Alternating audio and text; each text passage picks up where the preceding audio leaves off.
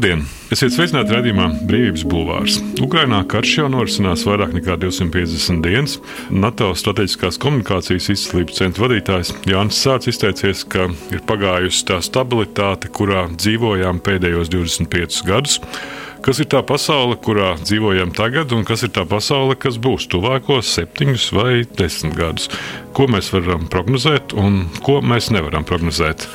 Vai mēs atgriezīsimies tajās atomu bailēs, kurās padomju okupācijas laikā dzimušie dzīvoja un atceras to vēl aizvien? Par to redzamā brīvības bulvārs saruna ar Jānu Sārtu. Sveiki! Sveiki.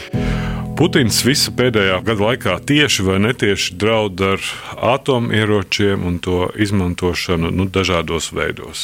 Vai viņš tiešām tos lietos?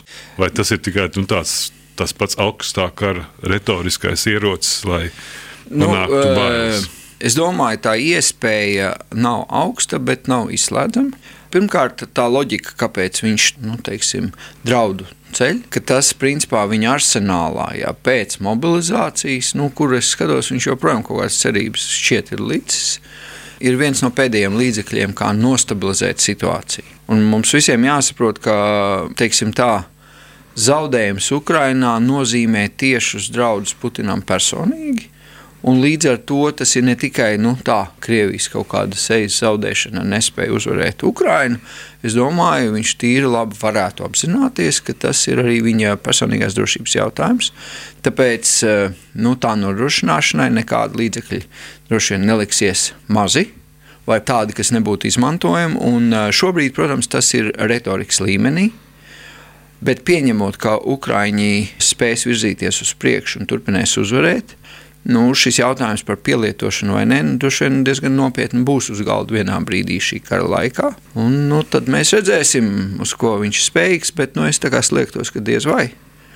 Bet nu, liela loma tajā būs arī, cik uh, rietumu atsevišķas valsts varēs būt pārliecinošas savā komunikācijā ar Kremli par to, cik liels varētu būt sekas pašam Putinam un viņam apkārt stāvošiem šādas situācijas eh, attīstības gadījumā.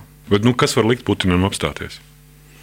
Šobrīd, pēc 250 kara dienām, šobrīd jau mēs redzam, viņš nav gatavs apstāties. Tas, ko viņš būtu gatavs izdarīt, viņš būtu gatavs iesaldēt esošo situāciju ar domu, ka kaut kādā pārskatāmā nākotnē, pie izdevīgākiem apstākļiem, varētu atjaunot nu, šo kara darbību, bet jau nu, labāk sagatavotiem. Un varbūt mirklī, kad rietumi vai Ukraiņa vājāk. Tas ir tas, uz ko viņš būtu gatavs. Kas acīm redzot, nav tas, uz ko Ukraiņi ir, Ukraiņi ir gatavi. Es gribētu cerēt un ticēt arī, ka Eiropa Un ASV un Kanāda nav šādam risinājumam gatavi, jo nu, tagad tas viss ir pietiekami skaidrs un saprotams. Nu, kas ir uz spēles, tā ir kopējā Eiropas drošība un, un kopumā lielā pasaules dinamika, nu, vismaz nākamās pāris dekādas. Un līdz ar to ir skaidrs, ka vajag acīm redzamu izšķirošu nu, zaudējumu Krievijai radīt, lai mums tā nākamās dekādas, viena, divas būtu nu, tā, salīdzinoši stabilākas. Un līdz ar to, nu, kas atliek? Atliek apturēt Putinu ar Ukraiņu karaspēks. Jeb arī nu, kādreiz kara sākumā bija tāda fantastiska doma, ka varbūt Krievijas iekšienē elitē atradīsies spēki, bet nu, šobrīd es domāju, ka to jūs arī vairākās intervijās skatījos, esat nu, apšaubījis.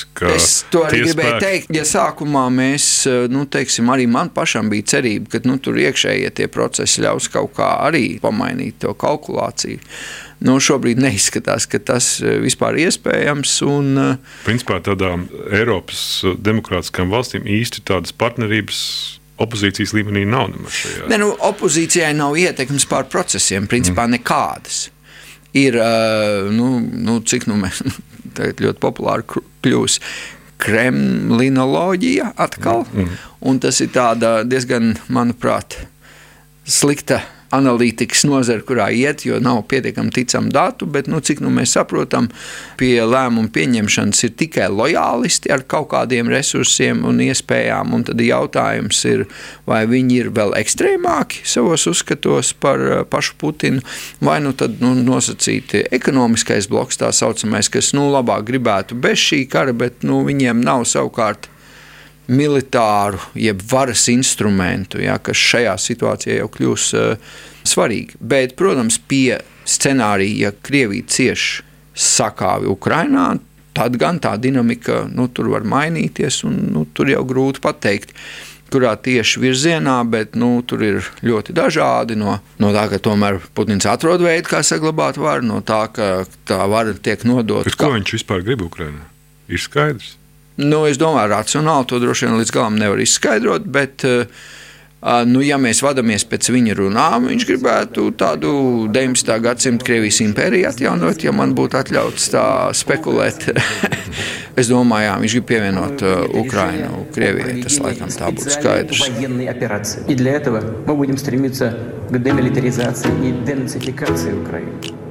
А также преданию суду тех, кто совершил Kas ir tā pasaule, kurā dzīvojam tagad, un kas ir tā pasaule, kura būs tuvāko septiņu gadu laikā?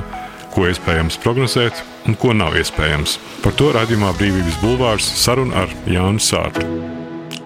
Jūs strādājat uh, NATO strateģiskās komunikācijas izslības centrā kopš 2015. gada, tas ir gadu pēc uh, Krimas uh, aneksijas. Un, nu, Putins visu šajā laikā visu laiku ir uzstājies ar dažādām runām, psiholoģiskiem Jā. draudiem, meliem.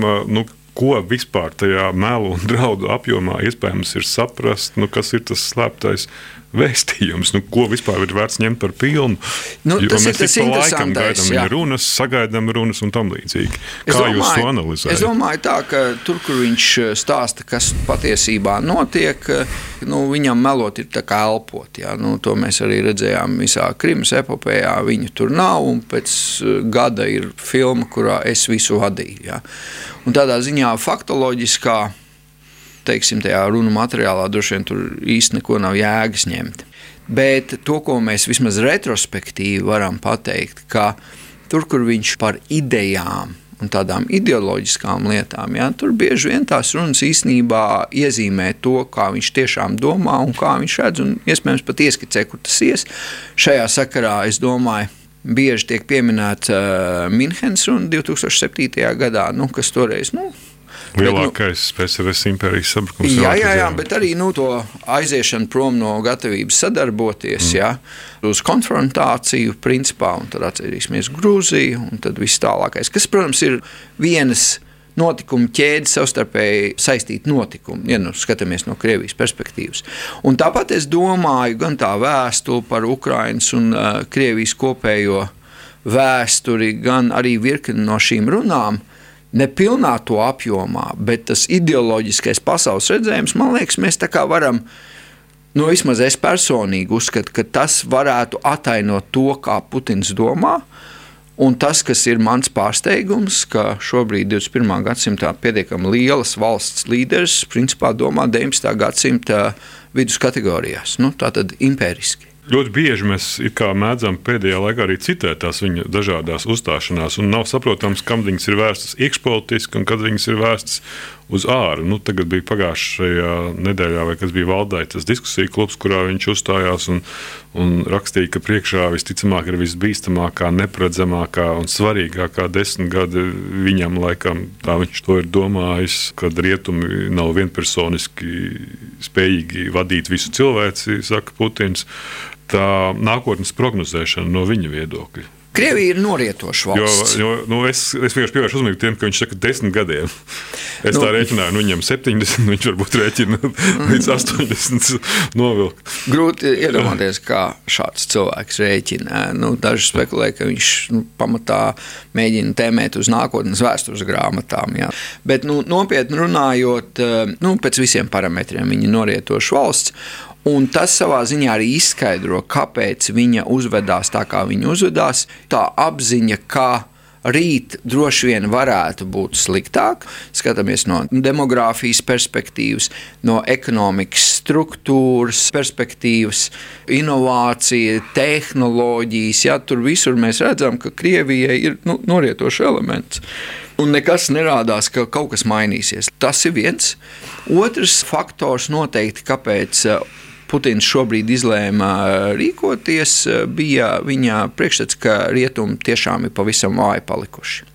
Un viņš šajā analīzē pirms gada ne, nebūtu nebija vientuļš.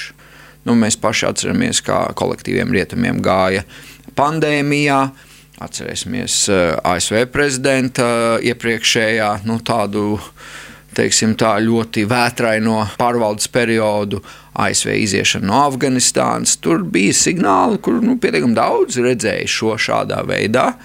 Un tāpēc, ka laika kurpe spiež, nu, tāpēc droši vien arī tika nolemts rīkoties. Kur var piekrist, ka šis ir tiešām atvērs to kopējo pasaules nestabilitātes periodu vaļā. Tas vienīgais kairinājums nav karš Ukrajinā, viņš ir tāds pirmais impulss tam, bet mēs redzam, ir sava dinamika Ķīnā, ir eh, nu, tā, kopējā dinamika Vispār eh, dažādās Āfrikā daudzas interesantas lietas notiek, kur nu, Ķīna iet iekšā, arī Krievija iet iekšā. Un uh, savā ziņā var piekrist, ka tā, tādā lielā lietu kārtībā daudziem šķiet, ka rietumu dominētā pasaules kārtība ir norietā, un tāpēc nu, tiks atvērtas daudzas. Un šeit būs svarīgi, kā karš Ukrainā beigsies. Ja viņš beigsies tā, ka var tiešām secināt, ka rietumi ir vāji, tad daudzas jaunas lapspuses konfliktos, kas ir ilgi varbūt bijuši noslēpti, atvērsies. Mēs varam runāt par Taivānas jautājumu, ko daudz ir uh, citējuši, bet nu, ir pietiekami daudz citas vietas pasaulē, un tā kopējā aina varētu būt nestabila. Ja mēs redzēsim ar rietumu palīdzību, Ukraina uzvarēs, tad tas tos jautājumus par rietumu spēku noteikti dienas kārtību pasaulē eh, nenoņems kā tādus, bet varbūt apetīti samazinās. Un, un tur varbūt ir tas svarīgais elements. Ne tikai nu, mums, protams, tas karš Ukrainā ir eksistenciāli svarīgs, bet nu, tādā globālā pasaules kārtībā viņš arī ir nozīmīgs faktors. Jānis Sārts ir NATO strateģiskās komunikācijas izcīlības centra direktors. Centrs ir starptautiska organizācija, kas veic analītisko darbu un sniedz padomus alianses dalību valstīm un tās sadarbības valstīm strateģiskās komunikācijas jautājumos. Viņš ir bijis aizsardzības ministrijas valsts sekretārs nepilnus astoņus gadus, realizējot aizsardzības sektora reformu ekonomiskās krīzes apstākļos, strādājot pie jaunas valsts aizsardzības koncepcijas izstrādes, kā arī veicinot reģionālo sadarbību NATO un Eiropas Savienības ietveros.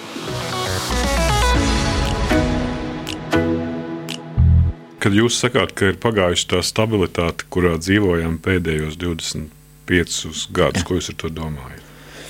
Ar to es domāju, ka atcerēsimies, nu, bija tāds paks romāna, Romas impērijas miers, nu, ka tajā, kas atradās zem Romas kontrolas, nu, tur labāk vai mazāk, bet eh, kaut kāds miers bija. Un, principā, mūsu pēdējos 30, eh, nu, 25, 30 gadus nu, bija tāds salīdzinošs eh, miers dēļ tā, ka Amerika bija noteikti visspēcīgākā vadošā valsts.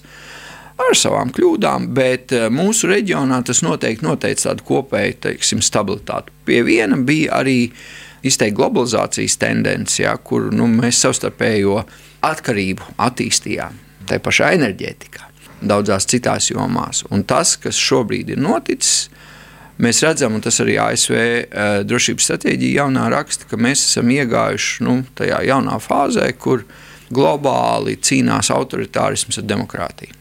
Tam nav jābūt obligāti karam, tā ir tāda sistēma cīņa, kas ir labāka, un viņi notiek. Principā, manuprāt, ja notiks uh, globāli, ne obligāti kara veidā, bet nu, kurš modelis ir labāks? Un, uh, tas nozīmēs pirmkārt kā jau teicu, nestabilitātes, daudzas un dažādas, dažādos reģionos. Otrs, eh, es domāju, ka tā daļa no globālā tirgus arī mainīsies. Visās jomās, kas ir būtiskas nacionālajai drošībai, sāksies izvērtēt, cik tu vari un uz ko tu vari paļauties savā piegādes ķēdēs. Nu, mēs dabūjām savu mācību par enerģētiku. enerģētiku. Bet arī attīstīgajās tehnoloģijās paskatīsimies uz pusvadītājiem, nu, kas ir ļoti liels nodrošinājums tai visai digitālajai pasaulē, kas šobrīd ir tik svarīga un kļūs vēl svarīgāk. Tāpat ir nākotnes tehnoloģija, mākslīgais intelekts.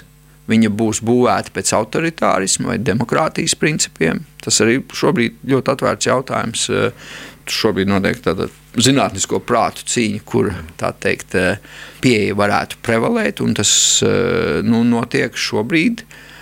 Un tas viss radīs tādus nestabilitātes elementus un tāds pieņēmums, ka tāds globāls miers ir konstants, un tad nu, tur ir kaut kādas krīzītes, mainīsies, ka globāls nemieris ir tā jaunā konstante, un ja tev sanāk kaut kāds tāds mieru un izaugsmas periods, nu, tad tu esi labā vietā. Bet ja mēs nu, saprotam, ka šobrīd mums kaimiņos brūk impērija. Krievija brūk, un tas notiek, es nezinu, septiņus vai desmit gadus. Ko nozīmē tādai mazai valstī atrasties? Es saprotu, ka mēs šobrīd atrodamies nezinu, mūra pareizajā pusē, bet ko vispār tas nozīmētu mums? Tas nebūs viegli mēs nevaram paredzēt, nu, pirmkārt, vai viņi sabruks, bet es slēgtos piekrist, ka tas ir ticams scenārijs.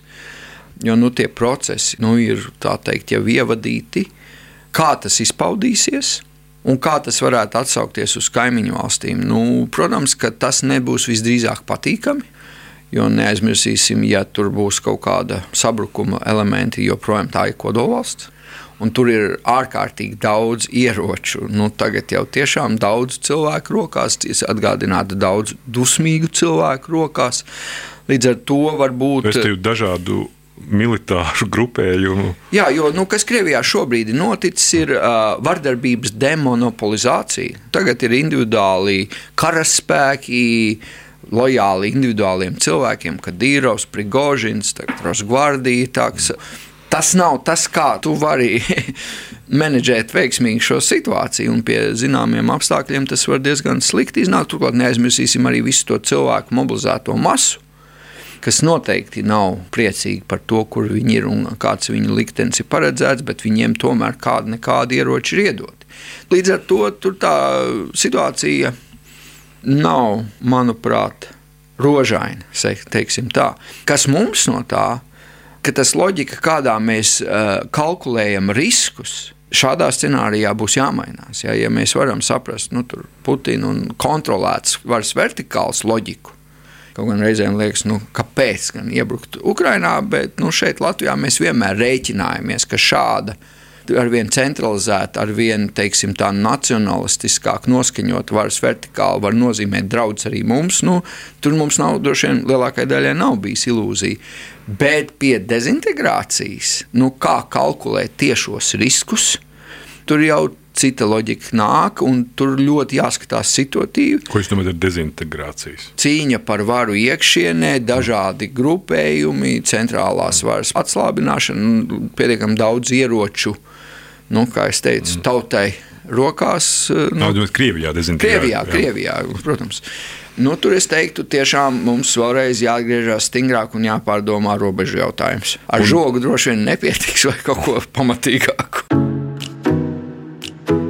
Brīvība, robežas, personība, vara, tauta, ideja, viedoklis, nākotne, dzīve un attieksme. Raidījums Brīvības Bulvārs. Cik lielā mērā nu, šobrīd izstrādājot šo rietumu stratēģiju, tiek ņemts vērā uh, nu, Austrumēropas viedoklis. Kaut arī tas nav vienots attiecībās pret Krieviju. Nē, nu, protams, nu, mēs, protams, mēs esam. jā, nu, gala beigās mēs esam demokrātiska valsts savienība. Viedokļu atšķirības ir nu, norma. Kaut gan krīzē mēs sagaidām, ka mēs tā vairāk spējam saglabāt. Kāpēc es to jautāju? Tāpēc, ka toreiz 2015. gadā es atradu jūsu interviju Aivaram Ozoliņam žurnālā ir, kad jūs stājāties uh, šajā amatā. Un, um, un jūs toreiz redzat, ka kopējā Eiroatlantiskajā drošības vidē mēs bijām izteikti margināli ar savu viedokli. Nu, līdz tam, līdz tai Krimas situācijai. Nē, mēs vairs nebijām margināli un gala beigās neaizmirsīsim.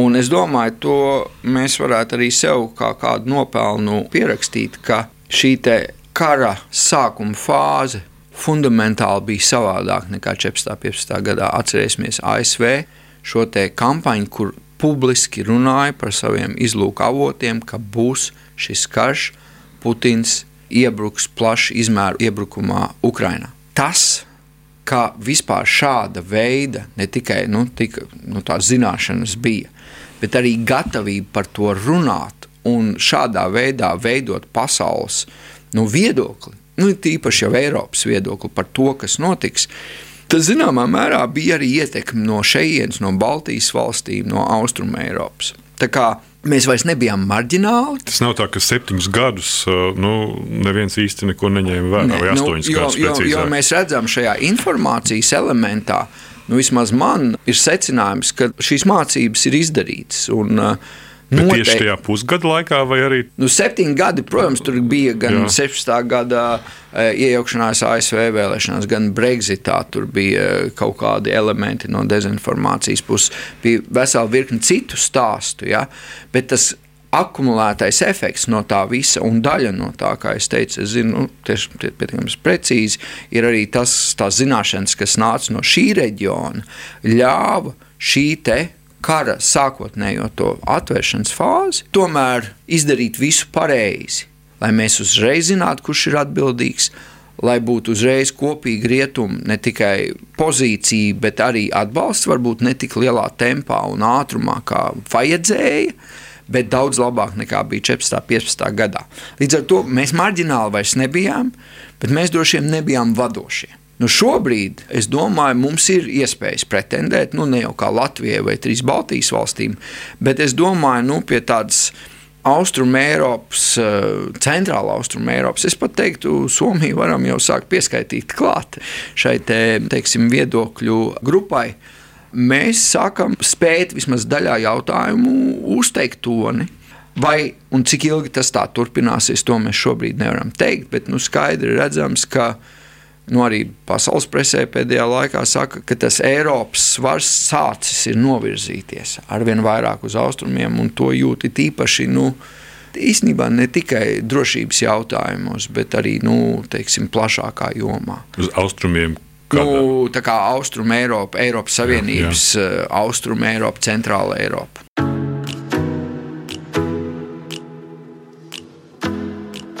Ir pagājušas 250 dienas kopš 24. februāra.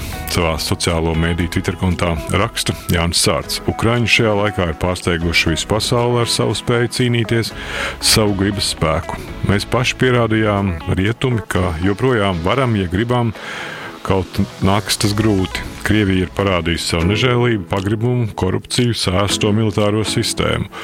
Tiem, kas noguruši no šī kara, atcerēsimies, ka Ukraiņi karo arī par mums. Tiem, kas sagaida Ukrāņu uzvaras katru dienu, atcerēsimies, ka katra uzvara prasa rūpīgu plānošanu un liels upurs. Tiem, kas šaubās par kara iznākumu, atcerēsimies, Ukrāņu uzvarēs. Tā Jānis Sārts. Putins ir nolēmis būvēt impēriju. Ja viņam būtu veicies trīs dienās to karu realizēt, tas būtu pirmkārt, nu, viņš pieaugtu spēkā, otrkārt, tas nozīmētu, ka rietumu savā atbildē būtu uh, fragmentēti un tur būtu iespēja eksploatēt. Baltijas valsts nedomāja būt nākamās. Tur būtu Moldova, tur vēl Gruzija. Kazahija droši vien. Nu, bet kaut... sarakstā būtu. Bet mēs noteikti būtu sarakstā.